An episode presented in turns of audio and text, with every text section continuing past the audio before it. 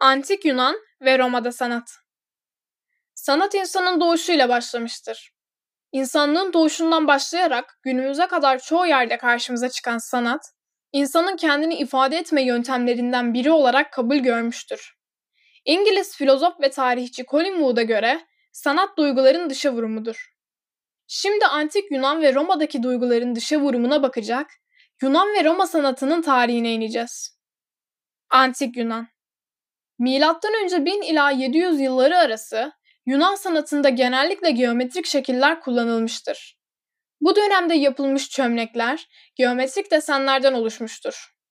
İlerleyen zamanlarda insan ve hayvanları sembolize eden figürler de görülmeye başlanmıştır.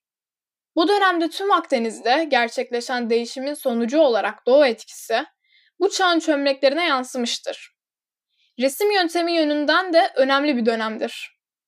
Milattan önce 7. yüzyıl Yunan heykelciliğinin başlangıç noktası olarak kabul edilmiştir. İnsan boyutunda ya da daha büyük heykel ve kabartmalar bu tarihten itibaren ortaya çıkmıştır. Dünya tarihinde en iyi heykellerin bir kısmı antik Yunanlar tarafından yapılmıştır.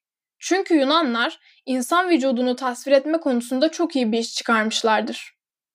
Roma Romalılar imparatorluk olmayı sevmişlerdi. İmparatorluk olma zamanları yaklaşırken M.Ö. 214 yılında Yunanistan'ı ele geçirmişlerdi.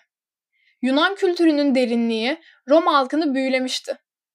Roma İmparatorluğu'nda bulunan işleyişte ele geçirilen yerlerin kültüre dahil edilmesi, benimseme duygusu için büyük kolaylıklar sağlamış.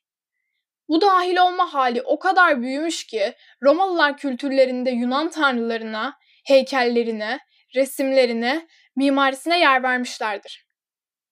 Roma İmparatorluğu'nun genişlemesi, Yunan ve Roma fikirlerini Avrupa'nın dışına taşımıştı. Bu fikirler Avrupa kültürünün ilk adımlarıdır. Batı kültüründe bugün hala antik Yunan ve Roma fikirleri kullanılıyor. Melisa Dağlı